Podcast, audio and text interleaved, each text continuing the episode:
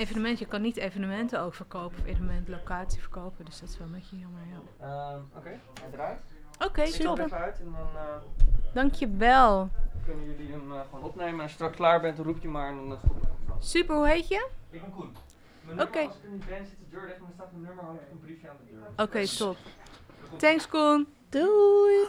Je komt nu wel in de podcast, dat je dat niet weet, weet je helemaal niet. Maar, eh, Much love to Koen. Saving, je slaapt eh, de Koen. Ik doe gewoon altijd het bestand. Gewoon vloep.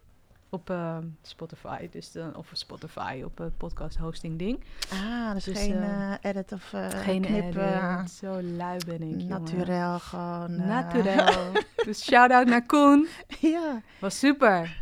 Kwaliteit zoals het goed is nog beter. En ik heb uitgenodigd Janine Lebrun. Lebrun, zeg ik dat goed? Ja, het is eigenlijk een Franse achternaam, maar Ja. eh Lebrun is, gewoon- is prima. Lebrun. Ja, ik ben al blij dat je mijn voornaam ook gewoon goed uitspreekt, want de laatste tijd hebben mensen daar zoveel moeite mee.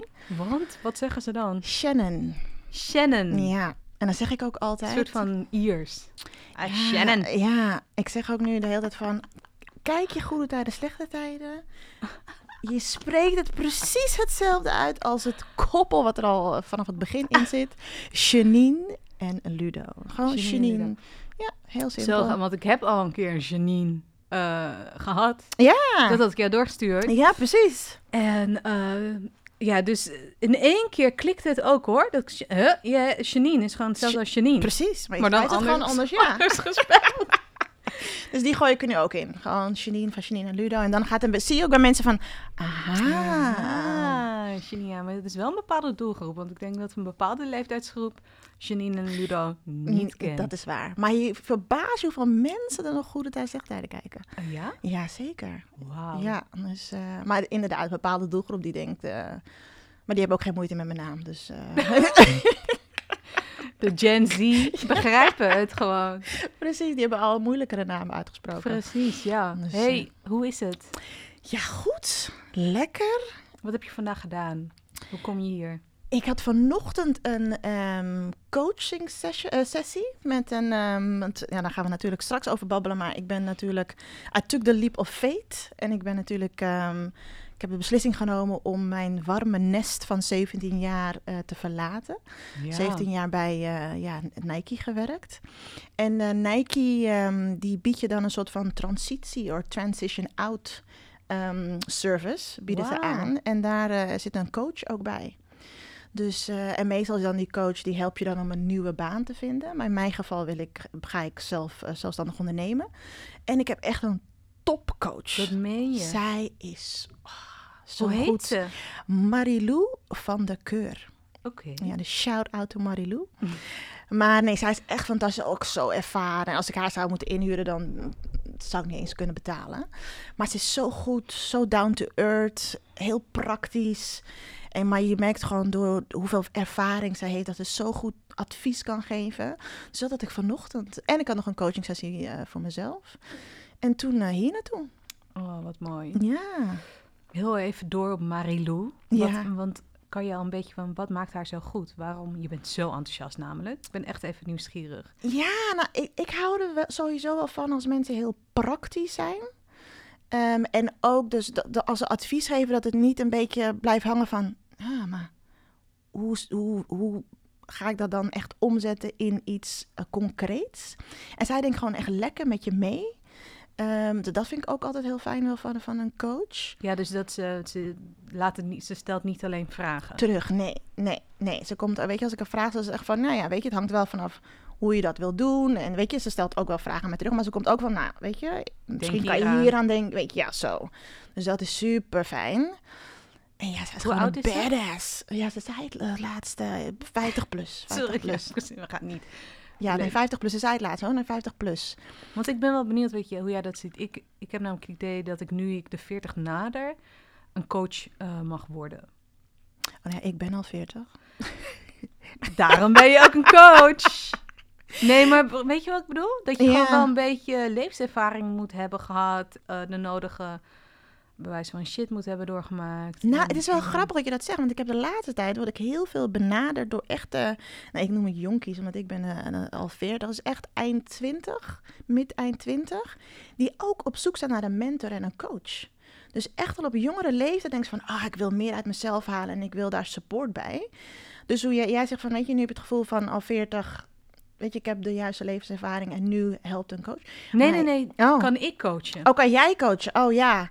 Nee, nee, nee, niet. Nee, nee, nee. Ah, ik denk dat elke leeftijd hartstikke fijn is om coaches Ja. te huren. Nee, dat. dat eh, Oh, dat jij, ja, ik denk dat levenservaring wel helpt. Ja. ja, ik merk ook, weet je, ik heb nu 17 jaar lang eh, bij, eh, bij een corporate gewerkt. En heb ik wel echt tons geleerd wat ik nu ook wel echt kan overbrengen. Dus, eh, en ook gewoon in het leven, gewoon veel geleerd, opstaan, vallen. Dus ja, dan, dat, dat, dat heb je wel eens gelijk. En of het nou 40 is, dat, dat weet ik niet. Maar eh, levenservaring helpt zeker, ja. Ja, ik heb een heel raar idee over 40. Ik heb het idee dat vanaf 40 gaat het echt in één keer allemaal pap, pap, pap, valt het in elkaar. En dan... Ik heb echt zin om 40 te worden. Ja, ik had ook geen moeite met 40 worden. Voor mij was 40 worden echt Hoe heb je het gevierd? Wat heb je gedaan? Nou ja, het was 40? corona, dus het was eh, heel rustig, gewoon, eh, gewoon lekker thuis. eh, nee, helemaal niet groot. Maar 40 wordt, bij 30 was het zoiets van, oh, 30 pressure of zo.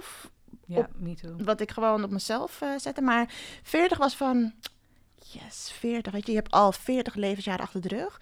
Maar er staat ook nog gewoon behoorlijk wat levensjaren staan je, weet je, ga je tegemoet. Dus daar heb je dan heel veel zin in met de bagage en alles wat je hebt geleerd de afgelopen tijd. Dus ik, had, ik vond het heel tof. Ik, had, eh, ik vond het was gewoon een, eh, ja, ik had er helemaal geen moeite mee. Nee. En je hebt die grote stap gemaakt. Ja. Ja, dus we gaan even alle kanten op als het Ja, gaat om chronologie. Ja, ik vind het zo tof. Ik, Ja. ik was zo enthousiast over je grote stap. Ja, ik ben natuurlijk. eh, Vertel, ja. Twee jaar geleden ben ik al voor mezelf begonnen. eh, met Hustle and Heart Consultancy. Dat is een adviesbureau voor, eh, ja, ik zeg altijd vrouwelijke go-getters. Die, die echt wel weten wat ze willen, maar hoe en hoe daar naartoe en welke stappen, daar hebben ze support bij nodig. En ook het doen voornamelijk. Dus dan kom je bij mij terecht. Ehm, en dat vond, ja, vond ik fijn, weet je. En ik vond twee jaar geleden en de, de afgelopen twee jaar vond ik het heel fijn, die de, de, de, de, de, de balans tussen fulltime werken, dus een vast salaris, stabiliteit, financiële stabiliteit en dan gewoon aan de andere kant nog je, je passie achterna en creatief zijn. Die combinatie vond ik heel fijn. Maar afgelopen december voelde ik zo van, heeft ook te maken met dat 40 worden. Weet je, je bent nu 40. Weet je, wanneer gaat het echt helemaal om jou draaien? Dat jij volledig voor jouw droom gaat, volledig je passie achterna. En toen ik 40 werd en, en ook de afgelopen december dacht ik van, ja, the time is now. Het voelde echt zo van, dit is het moment. Ik ga het doen. Dus het was helemaal, weet je, ik heb natuurlijk met veel mensen gesproken en lijstjes voordelen, nadelen en al dat soort dingen. Maar het was echt mijn gut feeling. Ik heb echt mijn gevoel gevolgd. En ik heb er totaal geen spijt van. Dus het is. eh, en ook je merkt dan als je eenmaal die stap zet, gaan er zoveel andere deuren open. Je- In het begin durfde ik die stap niet te zetten. Ik dacht van, ah, die financiële stabiliteit die ik heb opgebouwd, weet je, die laat ik gaan. En wat krijg ik daar dan voor terug? Dat is heel onzeker natuurlijk ondernemen. Maar echt, je doet die deur dicht en de andere deuren gaan gewoon voor je open. Dus het is, ja, ik vond het heerlijk. Oh, mooi. Ja, Want ehm, ja, ik denk dat veel mensen een beetje het gevoel hebben van... Hey, ik heb eigenlijk hele fijne financiële zekerheid. De stap die je al hebt gezet hè, om naast je baan een, een passie te volgen en te bouwen... ja, op, op het niveau wat je hebt gedaan met eh Hassan Hart Consultancy... vond ik dat sowieso al heel hoog niveau voor, Ja. voor een side project, moet Ja. ik zeggen. Ehm, Oké, even tussendoor vraag. Hoe kom je aan de naam Hassel en Hart? Ja, ik heb heel lang over de naam, eh, over een naam nagedacht. En het woord hustlen, en ik, vandaag had ik het er ook met mijn coach over. Het woord hustelen of, eh, weet je, een hustler zijn. Voor veel mensen heeft het nog een negatieve, eh, negatieve connotation. Weet een je, beetje van, gangster. Weet ja. ja, weet je, mensen bedriegen, snelheid, hasselen. En voor mij betekent dat het, ik bedoel, dat betekent het ook, zeker weten. Maar voor mij is het een hele andere betekenis. Voor mij is het echt in jezelf geloven, niet opgeven wanneer je tegen zit. Ehm, weet je, voor je doelen gaan, ehm, in, in actie komen. Dat betekent hasselen voor mij. En dat ben ik echt. Weet je, in alles wat ik heb bereikt, is het echt dat ik in mijn ideeën geloofde of in mezelf geloofde. weet je, niet opgeven. We gaan het straks waarschijnlijk ook wel hebben over mijn andere sideproject, want in de televisie- en filmwereld. Nou, dan moet je ook weer echt een lange adem hebben en gewoon niet opgeven, want je ontvangt vele malen een nee voordat je een ja ontvangt. Dus dat, en voor mij betekent hasselen dat. En ik doe alles gewoon met heel veel passie. En daarom de combinatie hassel en hart. Kwam het gewoon op je? Zeg maar, zat Nee, je op de nee, wc? nee. Was, je, was je aan het afwassen? Nee, ik zag, Was er was een quote met, het, met de, de woorden hassel en hart. Ik weet niet meer wat de quote is, maar er was een quote en dacht ik van, "Ah, maar de woorden hassel en hart, dat ben ik wel, die combinatie. Eh, en toen heb ik er dus hassel en hart consultancy van gemaakt. Ja, heerlijk. Ja. Mooi. Eh, ik ben nieuwsgierig. Wat heb je 17 jaar gedaan bij. Nike? En wat is er... eh, wat is je andere grote passieproject geweest? Waar je, ja, wat ook zo, zo tof is. Ja, 17 jaar lang. Maar, nou, ik ben meteen na mijn studie ben ik begonnen. Dus 23 jaar was ik. Welke studie had je gedaan? Ik heb International Business and Management gestudeerd.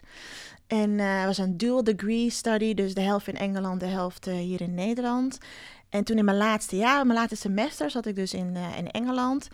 En vanuit daar ging ik dus bedenken van ja, waar wil ik werken? En ik wist altijd al van, ah, ik wil bij een groot internationaal bedrijf wil ik werken. Want was je, wat voor student was jij?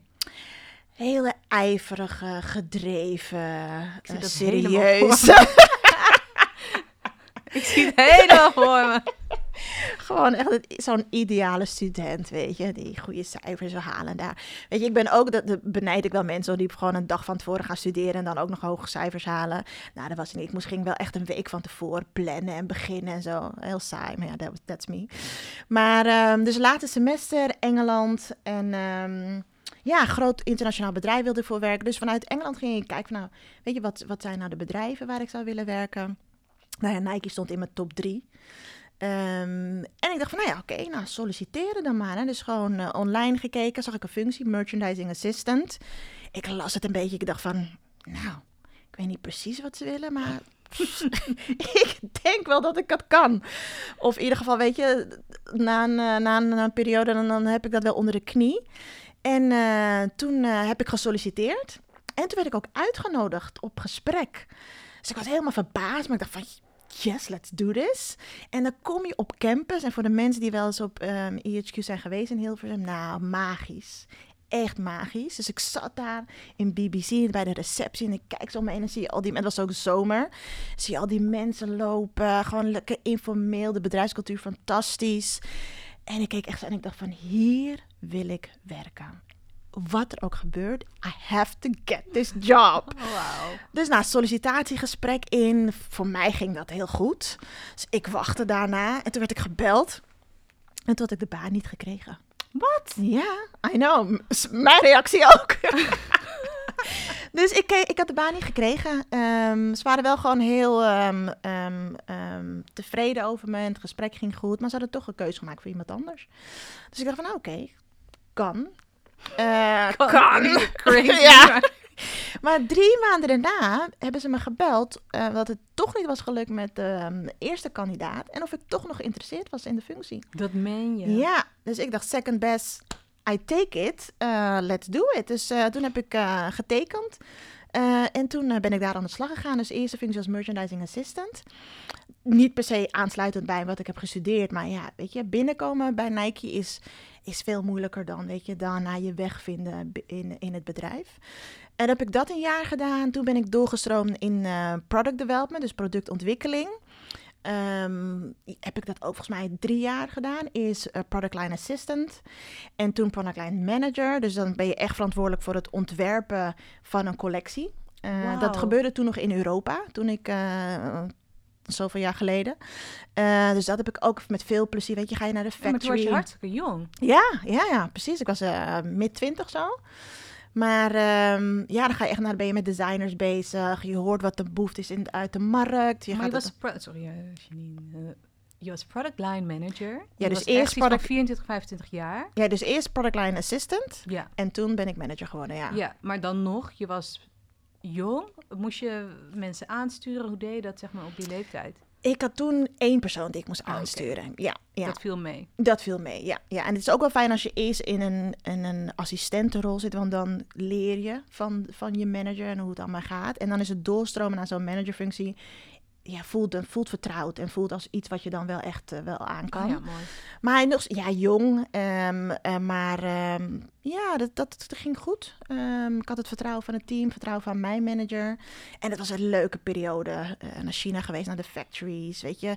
Als je iets bedenkt en dan zie je opeens het ontwerp en dan zie je opeens het, de first sample. Het was, was een magische periode. Maar ik, mijn achter, studieachtergrond was echt in marketing. Dus toen heb ik, ehm, ehm, wilde ik heel graag naar marketing. Maar marketing binnen Nike is zeg maar waar heel veel mensen willen zitten. Ja, ja. Eh, en toen was er wel echt nog het begrip van, weet je, als je in de pipeline product zit, dan ga je daarin groeien en maak je daarin promotie. Het is heel moeilijk om dan die overstap te maken van finance naar operations of van product naar marketing.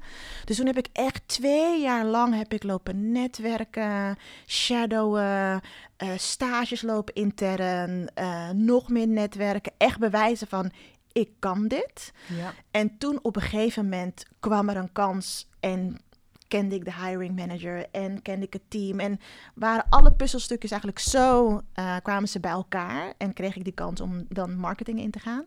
Maar dat is dus wel, ehm, zoals Abura altijd, Oprah. We hadden het net over Abura. Ja, quote van, hè, dat is preparation meets, meets luck of zo. Wat- oh, sorry, sorry Abura als ik Oprah's quote helemaal verpest. Maar in ieder geval, je was super voorbereid. Ja. En toen kwam de kans. Ja. Het is niet een soort van luck zomaar. nee, Maar, nee, echt investeren. Communiceren wat je wil, aan iedereen duidelijk over zijn, met de juiste mensen in gesprek gaan. want mensen vinden, vergeten dat, dat, dat netwerken ook binnen grote bedrijven ontzettend belangrijk is. Soms belangrijker dan. Weet je, je moet natuurlijk succesvol zijn in je functie, maar netwerken is even belangrijk. Dus nee, zeker weten, binnen of buiten de corporate is, is netwerken heel bepalend voor waar je landt en wat je, wat je bereikt. Dus toen eindelijk in marketing heb ik daar een aantal jaren gezeten, retail marketing. eh, dus echt verantwoordelijk voor, eh, weet je, de shopping journey en hoe, hoe vertaal je een campagne die Nike dan heeft naar de winkelvloer. Dus dat heb ik heel lang gedaan. Ehm, en toen naar sales. En dan niet sales als in verkoopsales, maar echt ook nog steeds in retail. Eh, laatste functie was Marketplace Development Director. Wat eigenlijk inhield dat ik verantwoordelijk was voor de shopping experience van onze wholesale partners. Dus ehm, stel je voor, je, je, je kijkt eerst online en gaat dan naar de winkel. Die hele journey van winkel naar, naar online en van online naar winkel. Die omnichannel eh strategy. Daar was ik verantwoordelijk voor, voor onze wholesale partners op sportgebied. Dus dat, en dat was wel een groter team. Dat was voor Europa. Dus dat was een, eh, een ja, een pittige functie, maar he- hele toffe functie. Tof team. eh, veel geleerd. Goede managers ook gehad. Dus dat is eigenlijk mijn in merchandising dus ervaring, in product, eh, in marketing en als laatste in, in sales. Dus dat heb ik allemaal in die 17 jaar lang gedaan. Mooi zeg. Ja. Hey, en dan komt de klassieke vraag, wat heb je geleerd? Wat heb ik geleerd? Ja, en dan misschien specifiek, wat heb je geleerd als het gaat om leiderschap? Wat ik heb geleerd in, op het gebied van leiderschap is dat, en dat vertel ik ook echt ook aan alle dames die ik coach, is blijf heel dicht bij jezelf. Dus weet je, ik ben ik binnengestapt als merchandising assistant en uiteindelijk geëindigd in een directorspositie voor Europa. Maar ik ben altijd wel mezelf gebleven. En dat heb ik ook altijd teruggekregen van, van vrouwen die mij dan benaderen van... Oh, Janine, ik vind het zo fijn hoe authentiek je bent. En Want heel- is dat niet de norm of zo? Of nou, ik denk als vrouw zijnde dat soms dan als we in hoe hoger we ehm, eh, in de boom gaan of in, eh, in een corporate organisatie, dan krijgen we misschien wat masculine trekken of dan denken van oh ik moet nu zo overkomen of ik moet nu dit doen of ik moet nu nog harder werken of ik moet nu nee blijf gewoon e- ik ben echt bij mezelf gebleven Ehm, dus dat dat zou ik sowieso iedereen eh, aanraden dat heb ik ook wel geleerd dat dat dat heeft me geholpen. Soms ik kreeg wel eens van eh, de, de feedback van ja, je moet zoals die persoon zijn in de organisatie. En dat was een persoon die echt hard erin ging. Altijd gewoon, ehm, weet je, al- gewoon een beetje heel mannelijk en heel eh, aanwezig. Ehm, weet je, je moet van de daken schreeuwen. Je- En zo ben ik niet per se. En ik, mijn feedback naar die persoon was altijd van... nee, als je zo iemand wil, dan, dan moet je die persoon aannemen... of moet je iemand anders aannemen. Ik ga zo en zo te werk. Hoe, ga- hoe ging jij te werk? Wat was jouw stijl? Nee, Zeg ik ben- ik ben echt- meeting of... Nou, ik ben sowieso ben ik een, een, een, een people's person. Ehm, dus bij mij gaat het team voor eh, in, in alles wat ik doe. Ook binnen mijn functie. Weet je, je hebt dan een verantwoordelijkheid als, ehm weet je, als Marketplace Development Director. Maar ik heb ook een team. En mijn team is gewoon echt het allerbelangrijkste. Ehm, en ik ben wel ook altijd van, ik luister. Ehm, weet je, dan vorm ik mijn mening en dan zal ik het delen. Ik hoef niet meteen aan het woord te zijn of meteen mijn mening te delen. Nee, eerst even alles observeren. En daarna zal ik, weet je, mijn mening delen, mijn strategie delen, et cetera. Maar je hebt heel veel, ik weet niet of weet je, de, de, de insights kleuren, rood, blauw, groen, geel. Dan heb je even heel veel rode ehm, ehm, mensen in dienst. Ik, ik was vroeger, ik ben nog steeds redelijk rood, maar veel minder rood geworden. Ehm, en dat, dat, toen kwam, kwam, ja, ik werd eigenlijk roder door te werken bij Nike. Ze forceren je eigenlijk om roder te zijn, een rode karakter. En dat was ik eigenlijk veel minder. Eh, dus eigenlijk wat ik heb geleerd, blijf heel dicht bij jezelf. Ook al krijg je een, een, eh, een hogere positie. Eh, er zit heel veel kracht, en dat is een beetje cliché, maar er zit heel veel kracht in gewoon het doen. Dus ehm, weet je, als ik één ding heb geleerd wat bij Nike is, ga maar die stap zetten. Weet je, ook al denk van, oh, deadline is, is over drie weken, dit gaan we niet redden. Ga het maar doen. Het lukt je echt wel als team. Of, oh, we willen dit neerzetten, maar ah, nee, dat is te groot. Ga het lekker doen, weet je. Daar ligt gewoon, daar heb ik heel veel geleerd. Er ligt heel veel kracht in. En Gewoon lekker, le- letterlijk just do it. ja, precies. Daarom zei ik, hij is een beetje cliché. Maar ik gooi hem toch wel erin. Want ja, dat, maar ja, dat is ja, grappig, hè? Hoe simpel, ehm, hoe simpel eh, zo'n slogan, maar hoe impactvol in, in denken. Dat blijft gewoon. Ja, ja. En ik denk, weet je, je bereikt, je bereikt gewoon heel veel als een team.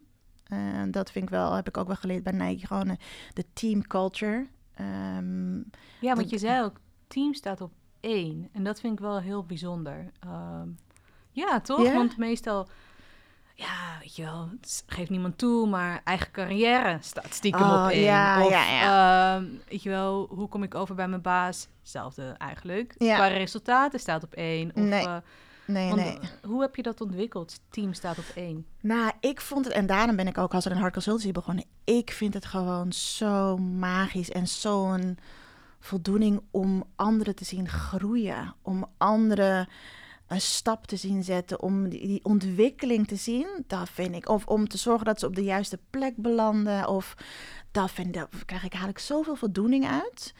Ehm, Heb je daar een voorbeeld van? Van iemand die in je hoofd schiet? Nou, ik kreeg later, ik had het ook gepost. Ik kreeg, eh, toen ik wegging bij Nike, kreeg ik een mail. Bedoel je een voorbeeld van hoe, Van iemand, ja. bij wie ik dat... eh, heb gezien? Heb Ja, nou, ik heb eh, laatst kreeg ik een mailtje van een, ehm, een eh, iemand die in mijn team vroeger zat.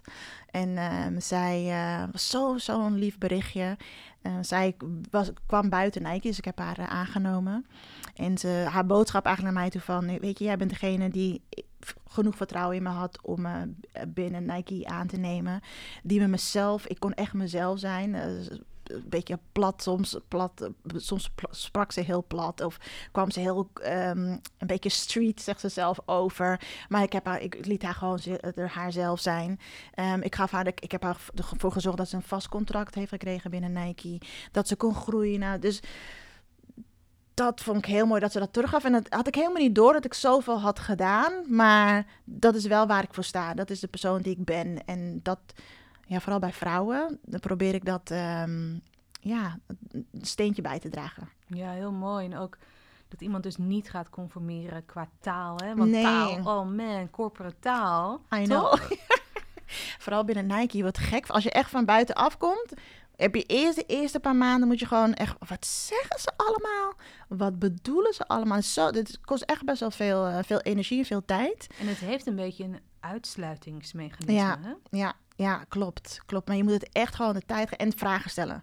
Wat bedoel je met deze afkorting? Wat bedoelen jullie mee? Hoe werkt het? Gewoon echt, echt. Bij Nike zeg ook be a sponge. Ehm, en dat moet je wel echt zijn. En gewoon geef jezelf de tijd. Geef jezelf niet de druk van, ah, ik weet het toch niet allemaal. Ik zit hier al zes maanden. It's all fine. Ehm, dus eh, nee, dat klopt. Dat klopt. Eh, ook binnen Nike hebben we heel veel corporate, eh, corporate lingo. Ja, maar wat mooi dat zij dat heeft teruggegeven. Ja, ja, ik vond het heel mooi om te lezen. Ja, Ik was er helemaal stil van. Ja, ja nee, echt. ja maar die cadeautjes die horen er ook bij. Mooi. Ja. Mooi en het meest eh, ultieme soort van bewijs van de leiderschapsstijl die jij hebt gehad. Ja, precies, precies. Mooi. Ja. En, ehm, en wat was je andere passieproject? Ja, ja, mijn andere passieproject. Ik heb, ja, het is eigenlijk, begon het in 2003. Dus eigenlijk, ehm we waren net klaar met de middelbare schoolperiode. En ik zat met eh, drie andere vriendinnen, ook high school friends. Zaten we in uh, Amstelveense weg, eh, Steakhouse. Zaten we in zo'n ehm, zo'n cubicle. booth. Ja, zo'n booth. En eh, wij kennen elkaar al heel lang, sommigen van de basisschool. En eh, we zeiden tegen elkaar van, ehm, ja, onze vriendschap is zo speciaal, zo leuk. We zijn allemaal zo divers. Dus we hebben andere, andere, andere achtergrond. En, eh, en we herkenden onszelf niet op televisie. Dus die mix van, oh, we zijn zo leuk. Dat herken ik. Ja, precies. En, eh, en we herkennen ons niet op televisie. We dachten, weet je wat, we moeten een serie maken over onszelf, over onze, onze vriendschap. Beetje coming of age, we waren begin twintig. Dus iedereen, ja, leuk, gaan we doen. Nou, iedereen ging zijn eigen karakter uitschrijven. En eh, op een gegeven moment kwam het allemaal bij elkaar. En nou, toen dachten we, nou, we moeten een producent hebben. Dus wij producenten bellen, omroepen bellen. We gingen gewoon, we waren jong en naïef. Dus we gingen maar gewoon... gelukkig toch? Ik bedoel, het kan ook zijn dat je zegt jong en onzeker. En wie, wie zijn wij in Nou, nog steeds wel onzeker hoor. Maar we dachten wel van, nou ja, let's go, weet je. Zo. Dus, eh, dus nou, wij omroepen bellen, producenten bellen. ehm, en ons, ons ehm, serie-idee heette destijds Girls, met een Z. We dachten niet echt per se origineel, maar weet je, dat is wat, wat, eh, wat eh, de naam is van de serie. En dat was in 2003. In 2004 ehm, werden we, was er een producent die was geïnteresseerd in ons concept. Dus wij dachten, wat? Dus we werden uitgenodigd, Hilversum. Gingen we naar Hilversum, naar die producent toe. En die zei, nou, ik vind jullie idee echt heel tof. En daar wil ik een serie van maken. Dus wij dachten, wat? Dus wij kregen een contract aangeboden. Eh, destijds was dat een bedrag van eh 10.000 euro kregen we. Eenmalig voor het concept. En dan ook nog eh, een bedrag per aflevering. Maar daar tegenover moesten onze rechten afstaan. En toen vonden we dat echt een big ding. Van recht afstaan. Nee, dit is ons baby. We zijn al een jaar hiermee bezig. En nee, we willen gewoon betrokken blijven. En we willen maar niet onze rechten afstaan. Dus toen zeiden we tegen die producent... Dankjewel meneer, maar wij gaan verder kijken. Eh dankjewel voor deze 10.000 euro. maar dank. Of, hou hem. ja, hou hem. We gaan, eh, we gaan verder zoeken, want we willen onze rechten behouden. Dus hij dacht ook van, oké, nou, dat, weet je, oké, als jullie dat willen doen. Nou, toen gingen we weer verder schrijven, schrij- eh, ook schrijvers ehm, benaderen, omroepen benaderen, ook weer pitchen overal. En uiteindelijk was het ons niet gelukt om het op de buis te krijgen. Ehm, we hebben de handdoek in de ring gegooid. We hebben heel veel geleerd. Vriendschap was nog steeds gewoon... eh, we hebben veel gelachen. En toen in 2012... en het Zes jaar later of zo? Ja, Nee, ja, acht jaar later. eh, ja, 2012, dus eh, acht jaar later. Ehm, ehm, en dit verhaal heb ik al eerder verteld, maar toen verloor ik mijn vader aan een eh, plotseling hartstilstand. En dat was voor mij een, ja, ik bedoel, een beetje verlies. Dus niks ergers dan dat. Dat was voor mij echt een, een hele moeilijke periode. En, en toen had ik iets nodig. Afleiding. Mega afleiding had ik nodig. En ik dacht van, ah, ik moet gewoon aan iets werken wat gewoon zo onrealistisch is. Dat, ga- dat me gewoon bezig gaat houden. Dus ik dacht in 2012, weet je wat, die serie, dat was voor een leuk idee. Dat ga ik weer oppakken. Nou, dat heb ik toen gedaan. Echt, volgens mij echt een, een maand of zo nadat mijn vader was overleden. Maar wist je toen, ik doe dit voor afleiding of ging je het onbewust doen? En achteraf kan je nu zeggen, eigenlijk was dat gewoon afleiding. Nee, ik deed het echt bewust voor afleiding. Ja, ja. Dus ik maakte die keus toen echt bewust van dit ga ik doen. Want dit gaat nooit werken, maar het houdt je bezig. Let's do it. Ja, dus eh, afleiding. Geen verdriet. Nee, nee. Hello, afleiding. Precies. En ik stortte me daar helemaal in. Nou, inmiddels was ik ook al wat ouder. Dus ik had de karakters ook wat ouder gemaakt. En ging er weer mee spelen, een beetje herschrijven. Ging, ik ging een pilot opnemen. Ik dacht, weet je wat, dit idee wat nu op papier staat, dat moet ik gewoon visualiseren. Dus ik ga actrices ehm, ga ik benaderen. Gewoon via Facebook gedaan. Bijvoorbeeld zo'n actrice als Mariam Hossouni. Had van Doenja en Daisy had ik via Facebook benaderd. Echt leuk. En ik ging gewoon weer als, dat is gewoon ook mijn motto in mijn leven, gewoon doen. Gaan, Mailen, bellen, gewoon lekker doen. Nou, had ik een pilot van de serie. En ehm, toen had ik de pilot, had ik een dvd opgestuurd naar RTL. Eh dacht van, ja, weet je, het is een perfecte serie voor RTL 8 destijds. En eh, nou ja, ja, dat was een vrouwenkanaal. Precies, ja, was een beetje de tegenhanger van net 5. En nou, toen werd ik uitgenodigd en ehm nou, zat ik daar aan de tafel met de zenderdirectrice. En ze zei, ja, we vinden dit een- echt een tof idee. En eh, nou, we willen dit graag uitzenden op RTL 8. Ik dacht, nou, top. Maar uiteindelijk, weet je, drama maken is heel duur. Kost heel veel geld. En eh, dus dat is ons uiteindelijk ook niet gelukt om de, de, het geld binnen te, te halen. Toen zeiden ze wel, en dat zei eh, degene met wie ik het ook deed, Danny Stalker, die zei van, ja, misschien moet je een film ervan maken. Dus ik dacht, nou ja, leuk. Laten we een film doen, weet je. I'm all game. En nou, toen zat ik bij de filmtak van RTL. Maar hoeveel tijd kost dit naast je drukke corporate Ja, want dit, ik werkte natuurlijk nog bij Nike. Ja, dat was ik vergeten te zeggen.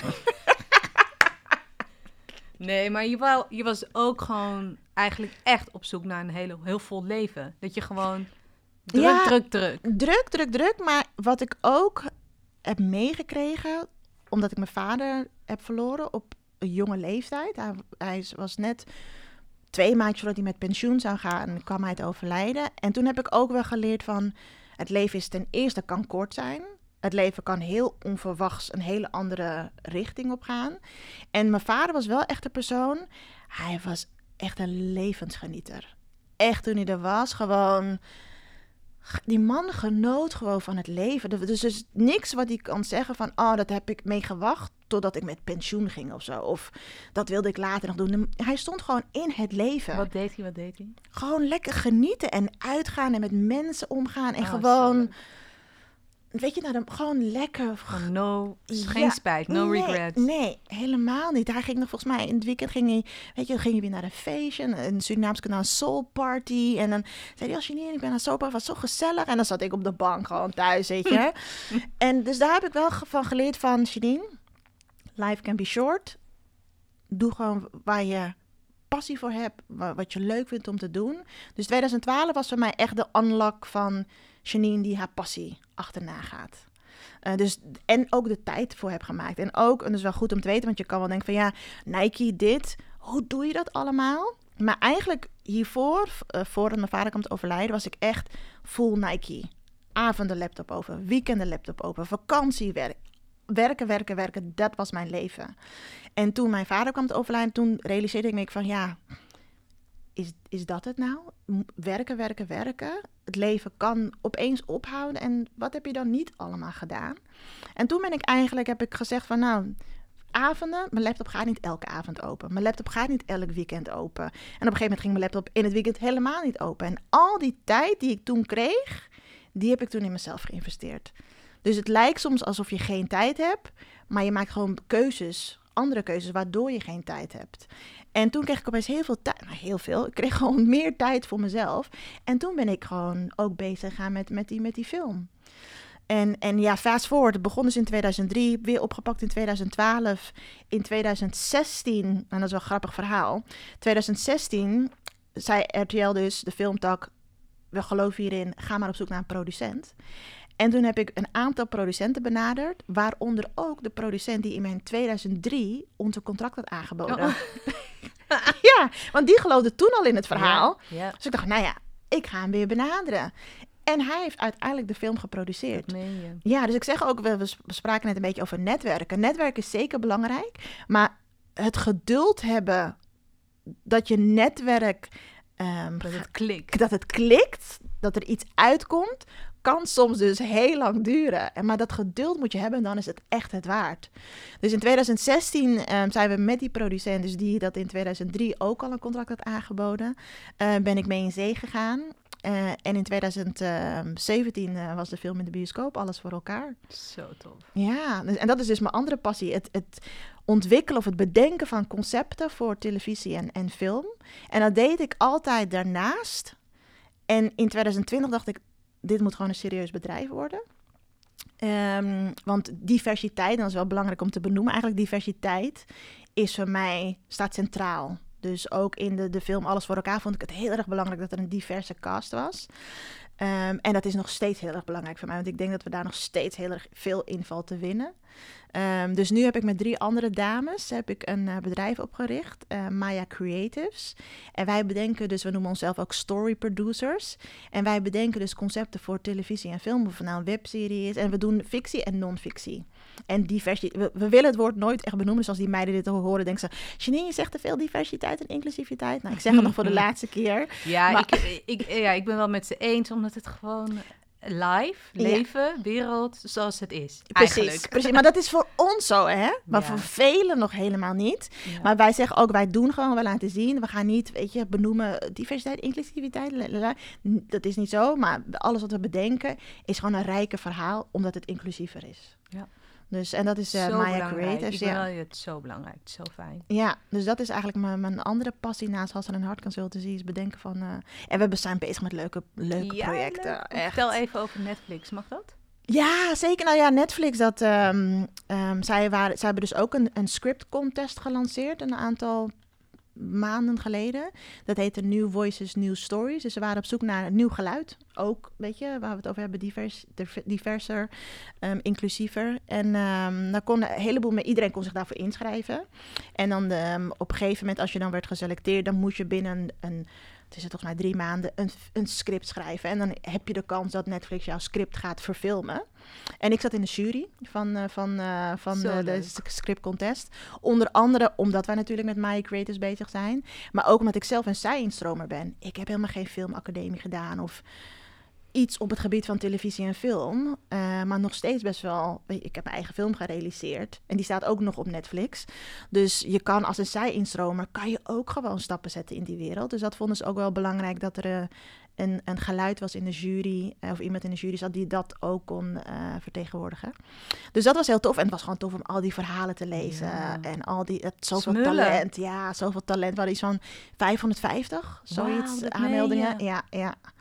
Dus het was eh, Wauw. ja, heel tof. Heel tof. Volgens Dus, eh, mij, ah, ik weet niet zeker of ik het goed heb. Dus eh, volgens mij, ik ken iemand die volgens mij heeft gewonnen. Wie, wie heeft... nou, er zijn gewonnen? 15 nu Oh, geselecteerd. 15, Ja, oké. 15.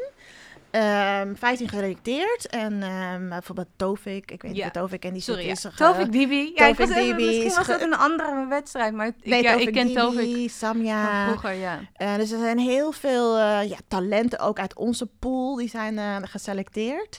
En, en nu zijn ze dus, worden ze gecoacht om zeg maar, het idee wat ze hebben ingeleverd, om dat echt om te zetten naar een echt script.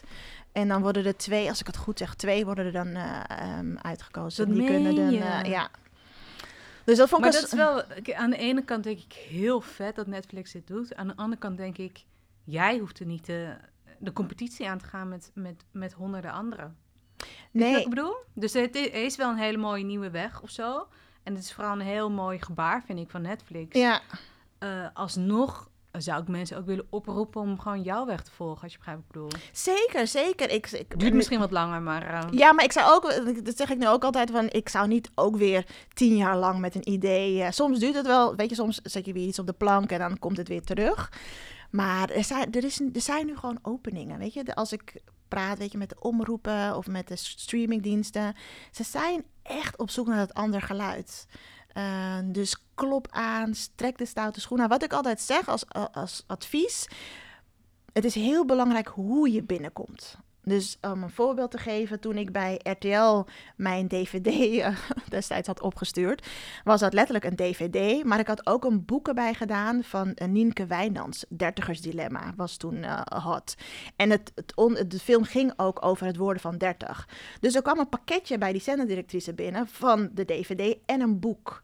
Dus zorg er altijd voor dat je een manier vindt dat je eh, niet wordt vergeten en dat ze jouw pakket echt wel moeten bekijken. Ik heb laatst ook een ander concept ontwikkeld. Dat heet, eh, ging over een bewust alleenstaande moeder. En toen heb ik ook weer een pitch document gemaakt en ik had dan een, een, een potje met bloemzaad erin gedaan. En dat was dan een link qua zaad met bewust alleenstaande moeder, die dan via een donor een, een, eh, moeder wil worden. En dat was gewoon een gimmick. Dus ik dacht, een potje met zaad, leuk. Dus, en dat had ik naar die, naar die eh, omroep gestuurd. En hij zei ook van, Janine, toen ik jouw pakketje binnenkreeg, weet je, dat potje met zaad, dat staat de hele tijd op mijn bureau. En ik keek ernaar. Ik vond het zo, toch wel heel interessant. Dus bedenk hoe je, hoe je presenteert, hoe je pitcht, hoe je binnenkomt, hoe breng je je idee over. Dat is echt al de helft van het binnenkomen of iemand overtuigen. Man, ja, super goede tip. Ja, en sommigen vergeten dat, weet je. Je kan binnen... En dat was ook wel... ik was een beetje een vreemde eend in de bijt bij die, in die media- en televisiewereld. Want zij zijn er gewend van, ja, weet je, iemand heeft een idee... en werkt het uit een Word-documentje. Weet je, de grote producenten, die maken er echt een mooi pitch deck. Maar als je gewoon een, een, een maker bent, dan, weet je, sch- schrijf je het uit en dan stuur je het op. En ik kwam altijd overal met mijn PowerPoint-presentatie. En zo presenteerde ik mijn ideeën. En dat is altijd wel eh, blijven hangen. En die heb ik ook wel teruggekregen van ehm, ehm, ehm, RTL. Van ja, hoe jij presenteert, hoe jij pitcht. Dat is wel echt een, ehm, een skill. Wat, wat soms nog wel belangrijker is dan een heel goed idee uitwerken. Weet je, als je, hoe je dat overbrengt, is echt wel, is al de helft van je battle. Ja, het is ook durven anders te zijn, hè? Ja. Of durven jezelf te zijn. Kan ook anders of jezelf. In mijn geval was ik mezelf. Want ik, weet je, binnen Nike, wij communiceren door middel van presentaties. Weet je, of je nou een strategie of een campagne of een onderzoek presenteert, dat doe je door middel van een presentatie.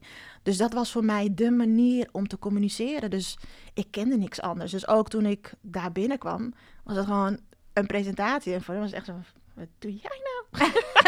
Ze gaat staan. Ze, gaat, heeft slaap. gaat, ze willen Wat een bier. Ga even zitten Ja, precies. kletsen. Ja, precies. Waar is je power? Ja. Wil je Word-documentje? Ja, precies. Maar dat was wel, het- het- ik bleef wel hangen overal. Dus ehm, Maar dat potje zaad is wel weer, ja, dat klinkt heel erg. ja, dat ik de titel, de titel van het concept had ik erop geplakt. Ja, En- ik heb, ja, even om het over die boeg te gooien, want ehm, even iets heel anders. Ja. Maar ik, ben, ik heb een babytje gekregen door IVF. Oké, ja. Dus eh, daar doet me het ook aan denken, aan een potje zaad.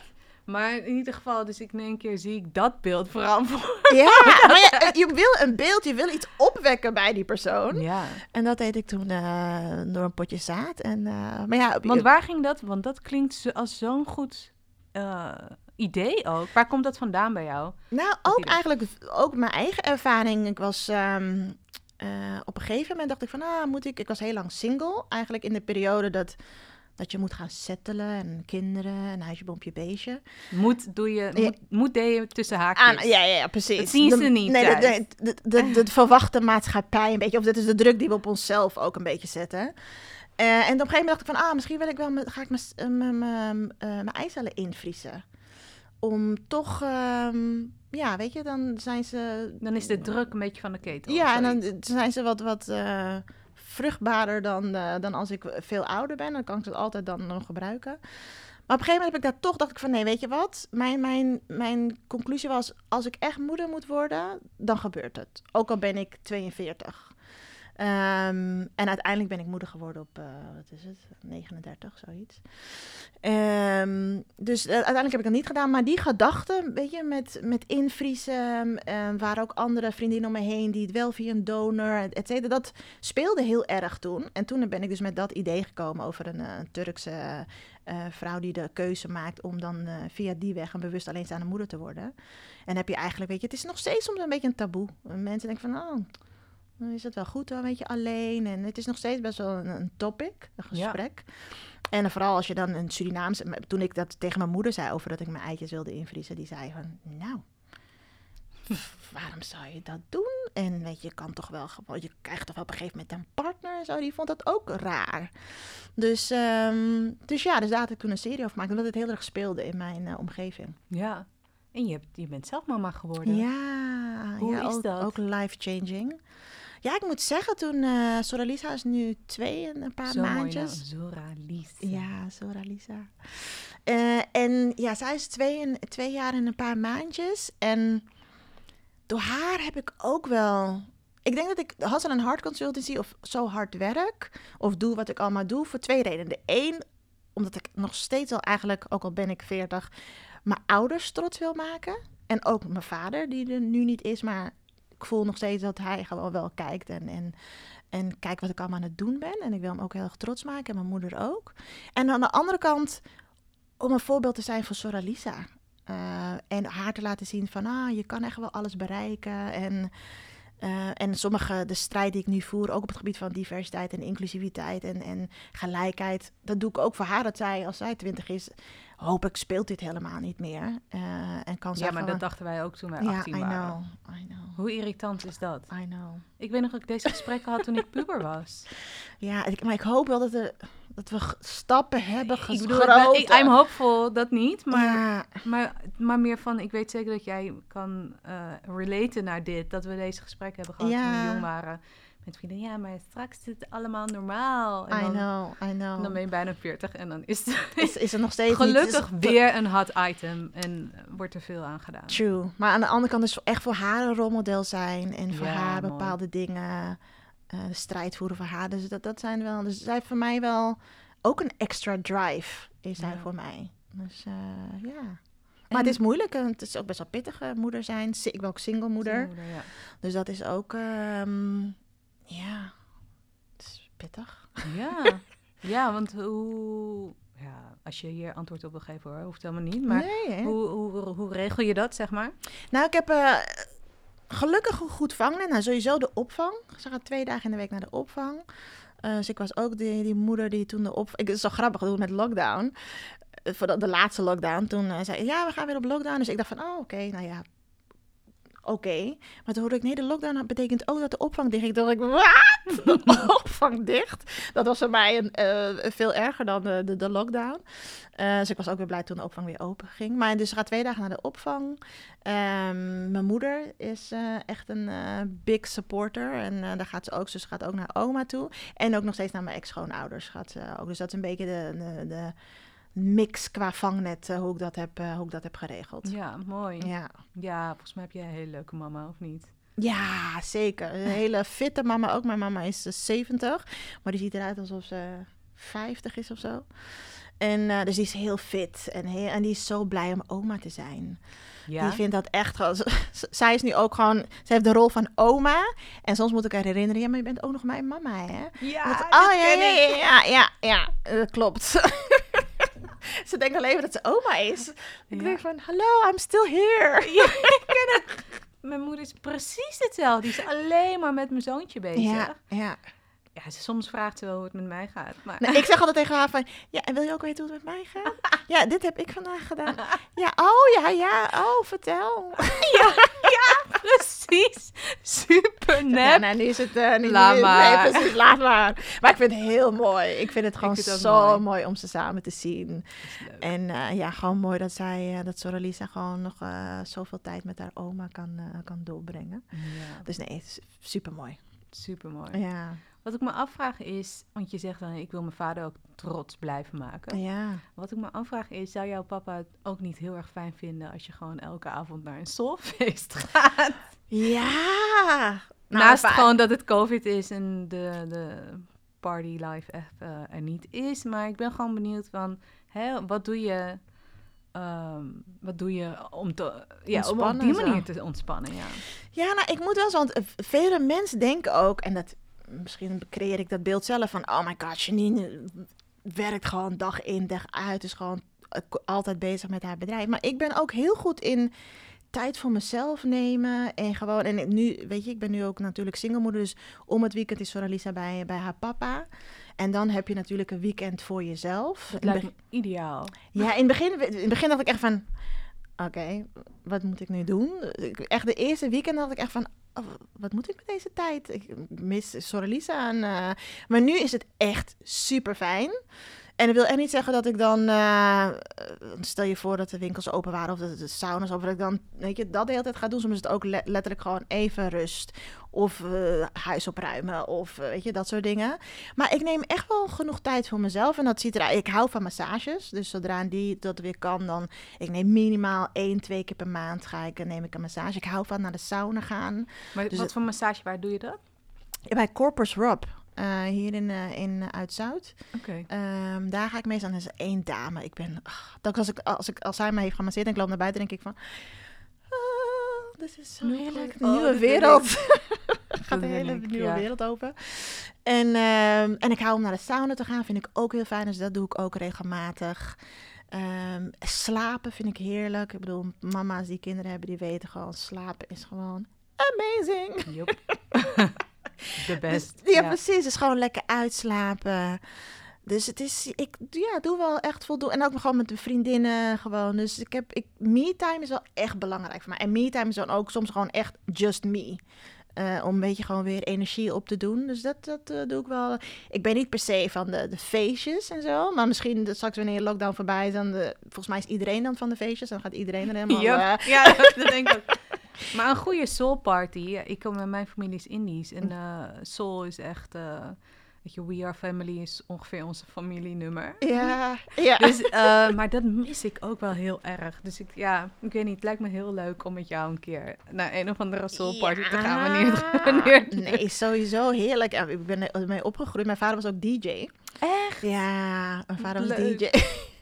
zo leuk. Ja, ja. Dus, ehm, dus hij ehm, ja, heeft ook gewoon op feestjes. Dus hij, ging, hij vond het leuk om naar feestjes te gaan. Maar hij was ook gewoon DJ op die, vele van die soul parties. Zo leuk. Dus ja, Tof. ja. Ehm, nog even, hoe als afsluiten? ja. Heb je een soort van uitsmijter wat je mensen zou willen meenemen? En daarna heb ik een paar praktische vragen. Uitsmijten, wauw.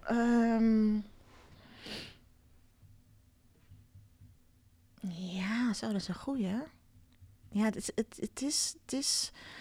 Ik merkte de laatste tijd bij veel vrouwen dat hun ehm, maximale potentie is hoog. Is echt, ze kunnen zoveel, maar ze benutten het niet volledig. En dat vind ik zo zonde. Dus ga op zoek naar mensen om je heen die jou stimuleren, motiveren, het beste, het meeste uit jou halen. En dat zijn soms niet je vriendinnen. Soms moet je andere mensen om je heen verzamelen. Maar go and reach your maximum potential. Ga, neem niet genoegen met ehm, dit kleine beetje of oh, dit is mijn mini-droom. Nee, wat is je big dream? Eh, want dat merk ik de laatste tijd veel, veel bij vrouwen die ik coach. Denk ik van, oh my god, ik kijk naar jou en ik zie dat jij dit kan bereiken. En ik wil dat jij dat ook ziet en dat je dat dan gaat doen. Eh, dus zorg ervoor dat je, en het kan, een, het kan een mentor zijn, het kan een coach zijn, kan iemand binnen je bedrijf zijn, kan iemand binnen je, maakt niet uit, maar verzamel de juiste mensen om je heen, zodat jij echt het maximale uit je leven kan halen en uit jezelf kan halen. Tof. Goeie. Ja. Mooi. Hoe kunnen mensen je vinden? En, en eigenlijk wat voor coaches coaches, moet ik zeggen, zoek je of, of coach jij? En, en hoe kunnen ze je vinden of hoe kunnen ze je volgen? Ja, nou, ik ben dus op de, de, de, de usual eh, socials. soci- socials. Dus op Instagram gewoon Janine Lebrun. Dus dat is S-H-E-N-I-N en de achternaam is Lebrun, L-E-B-R-U-N. Eh, Hetzelfde geldt voor LinkedIn, ook gewoon onder mijn, eh, onder mijn naam. En mijn website is www.hustleandheartconsultancy.com. Dus daar kunnen ze ook meer informatie vinden. En wat ik altijd zeg, dat je, je kan bij mij terecht ehm, als je echt wel een drive hebt. Echt een droom hebt, echt een ambitie hebt, je bent echt een go-getter, dan ben ik degene die je ook echt kan helpen om dat te bereiken. Wat ik ook net een beetje zei over die maximale potentie eruit halen, daar ben ik super goed in. Ehm, ben jij, en dat is een beetje een onderscheid, ben jij iemand die nog zoekende is, nog niet echt goed weet wat of hoe, dan ben ik niet de juiste coach. Ehm, ik ben ook wel echt een coach van het doen. Ik heb heel veel strategische ervaring. Dus ik ik heb echt een mix van. Ik kan met je strategisch meedenken op het gebied van business, op het gebied van branding. Maar we gaan ook echt doen. Ehm, en ik ben wel ook echt iemand die zit op de mindset. Alles wat of je bij mij nou een mentorship of, of een, een coachingprogramma afneemt, we gaan eerst werken aan je mindset. Want daar, als we dat hebben unlocked, dan gaan we vliegen en dan gaan we vele malen sneller. En meestal is het ook iets within de mindset dat je op dit moment tegenhoudt om niet het maximale potentie te bereiken. Dus ik ga daar altijd mee, eh, mee aan de slag. En je ziet sommige mensen altijd kijken van, oh shit, ze gaat een kant op. Ah, scary. Maar ja, die moet ik eigenlijk wel op.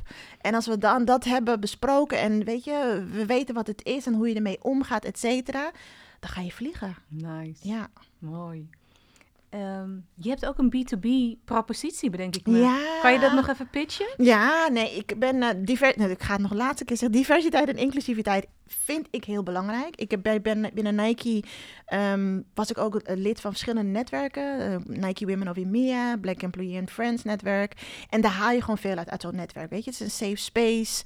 Eh, je groeit, je leert, je, je, je, je ziet mede collega's die met misschien hetzelfde struggelen. En daar kan je lekker over, over babbelen.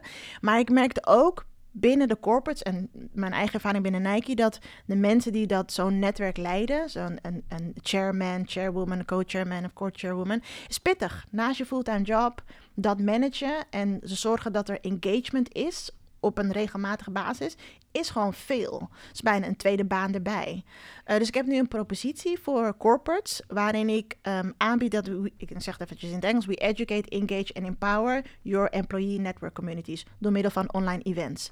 Dus wij organiseren online talkshows, uh, paneldiscussies, netwerkevents, allemaal voor je het netwerk van je, van je, van je um, bedrijf. Dus uh, aan de ene kant voor bedrijven die dat al hebben en die eigenlijk een programmering willen voor hun netwerk. Maar aan de andere kant hebben we ook organisaties die dat nog helemaal niet hebben. En het verbaast me dat er nog steeds organisaties zijn die geen netwerkcommunities hebben voor hun employees. Maar daar hebben we het om dat op te zetten en dan te programmeren. Ja. En we zijn nu in gesprek met echt uh, toffe partijen. Bol.com zijn we mee in gesprek. Uh, met Nike ben ik natuurlijk ook in gesprek. Zij hebben wel netwerken, maar ook het programmeren daarvan. Dus ja, dat is mijn, uh, daar ben ik nu ook druk mee bezig. Nice. Om dat, uh, ja, bedrijven te, te helpen op dat gebied. Het werk uit handen te nemen. Ja, heel goed. Ja. Ook heel vet om daar uh, expert in te worden. Ja. Echt expertise op te bouwen. Heel tof. Ja. Nou, die heb ik ook nog even snel geplucht. Ja, toch? Dankjewel daarvoor. Ik denk dat de luisteraars nu wel begrijpen waarom ik je heb uitgenodigd. Ah, I hope so. Ik vond het hartstikke tof. Dankjewel voor de uitnodiging. Uh, ja, tuurlijk. Hartstikke ja. leuk. Dankjewel. We gaan hem afsluiten. Dankjewel, yes. dankjewel, dankjewel. Dankjewel voor het luisteren. Nou, nu moeten we Koen erbij roepen. Koen! ik ga niks aanraken. Ik laat hem gewoon rollen. Laatste stukje, dan haal ik hem wel af. Maar hartstikke tof. Je wil niet dat het... Toch wel? Niet dat ik niet... Ja, ja, ja. Ja, oké.